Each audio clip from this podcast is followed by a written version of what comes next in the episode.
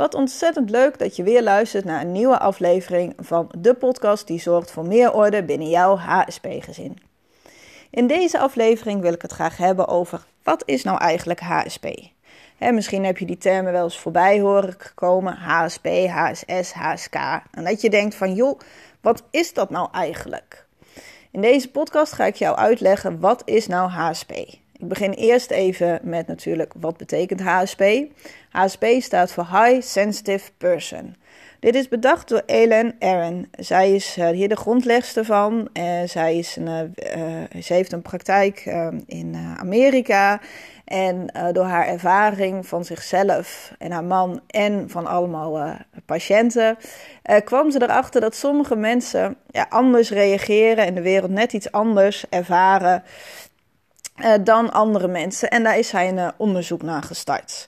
En um, nou ja, misschien ken je dat ook wel van jezelf, dat je op het uh, werk zit en dat jij eigenlijk al de oplossing weet en jouw collega nog niet. Nou, dat komt gewoon doordat jouw brein veel en veel sneller werkt dan een ander brein. Als HSP'er ben je vaak al wel twintig stappen verder. En bij een minder sensitief persoon, ja, die staan er nog vijf. En daardoor heb jij het gevoel dat je elke keer weer een paar stappen terug moet doen. En uh, doordat jouw uh, ja, brein zo ontzettend actief is, uh, kun je soms ook letterlijk gewoon door de bomen het bos niet meer zien. Je ziet gewoon zoveel mogelijkheden dat je niet weet waar je voor moet kiezen. en dat is voor een, voor een kind, dat is een HSK, dus een High Sensitive Kid. Um, betekent dat ook dat als ze bijvoorbeeld een woord leren, dat ze dat heel snel kunnen opslaan, omdat ze daar heel makkelijk een beeld bij kunnen vormen. En dan horen ze misschien één woord en dan gaat meteen in de hersens heel actief aan de slag. En dan gaan ze er allemaal andere woorden aan linken.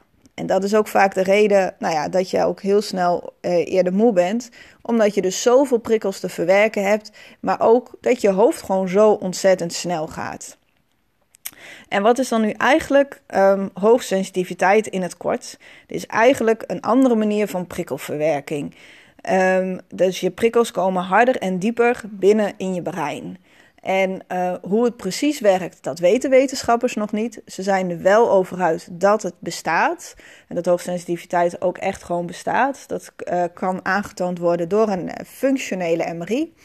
Daarin zien ze ook inderdaad dat uh, nou, de hersenactiviteit bij een uh, hoogsensitief persoon gewoon veel actiever is dan bij een minder, hoog, uh, minder sensitief persoon. Um, alleen, ja, ze weten niet precies hoe dat komt. De ene zegt dat er een filter mist, de andere zegt dat er gaatjes in die filter zit. Maar het feit blijft gewoon dat ja, een hoogsensitief persoon gewoon veel meer prikkels verwerken. En uh, ja, nu heb ik het natuurlijk al een post gehad over prikkels. Maar ja, wat zijn dat nu eigenlijk? Prikkels. Prikkels is eigenlijk alles wat er ja, van buiten en van binnen gebeurt.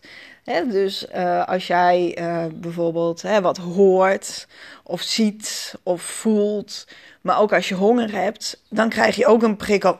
En al die signalen kunnen al voor overprikkeling zorgen. Zoals bijvoorbeeld een uh, mooi voorbeeld over dat je geluiden heel goed kunt horen.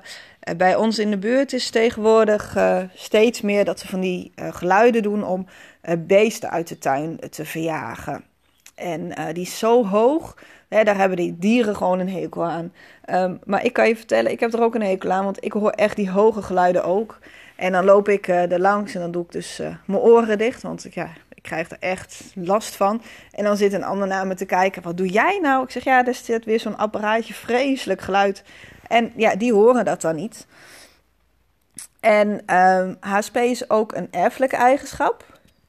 En uh, dat houdt dus in, dus als je het bijvoorbeeld wel uh, bij je kind uh, dingen herkent, dat je dan ook ervan uit kan gaan dat het bij jou of bij je partner is, dat die ook ja, gevoeliger zijn. En dat je kunt gaan kijken, joh, maar is dat zo? En ik, ik, ik lees er heel veel van, maar ben ik het ook?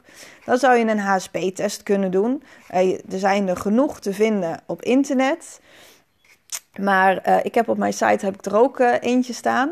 Die kun je vinden op www.enjoyhsp.nl/slash testen. Ik zal hem hieronder ook de link neerzetten, zodat je er makkelijk ehm, even kunt kijken. En pin je er niet heel erg uh, aan vast. Dat als je bijvoorbeeld uh, hè, uh, niet zoveel scoort, dat je denkt: oh, dan ben ik het niet. Maar als je zelfs je al herkent in één kenmerk, dan kan je echt er ook vanuit gaan dat jij HSP'er bent. En dan zou ik zeggen: ga dan op internet gewoon goed kijken van wat is het nou? En verdiep je er heel erg goed in. Um, want uh, het is namelijk zo wel dat je heel makkelijk overprikkeld kan raken als je uh, ja, niet precies weet hoe je ermee om moet gaan. En dat, is ook, uh, dat zou ik ook heel erg jammer vinden. Want ja, hè, zoals ik net al zei, je brein werkt gewoon veel, veel sneller, ook bij je kind.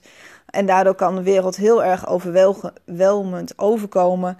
Maar dat hoeft helemaal niet. Als je gewoon weet hoe je ermee om kan gaan, dan kan het ook gewoon echt een ontzettend mooie kracht zijn. Um, dus um, als je nu weet je ongeveer wat HSP is en um, in mijn volgende podcast zal ik je uitleggen uh, de verschillen tussen HSP, HSK, maar misschien heb je ook wel eens uh, over HSS gehoord. Dat is uh, High Sensitive Seeker. En uh, wat dat dan precies inhoudt en wat nou de verschillen zijn tussen HSP en HSS, maar ook tussen, dat heb je misschien ook wel gehoord, tussen introvert en extravert. Daar zal ik het de volgende podcast over hebben.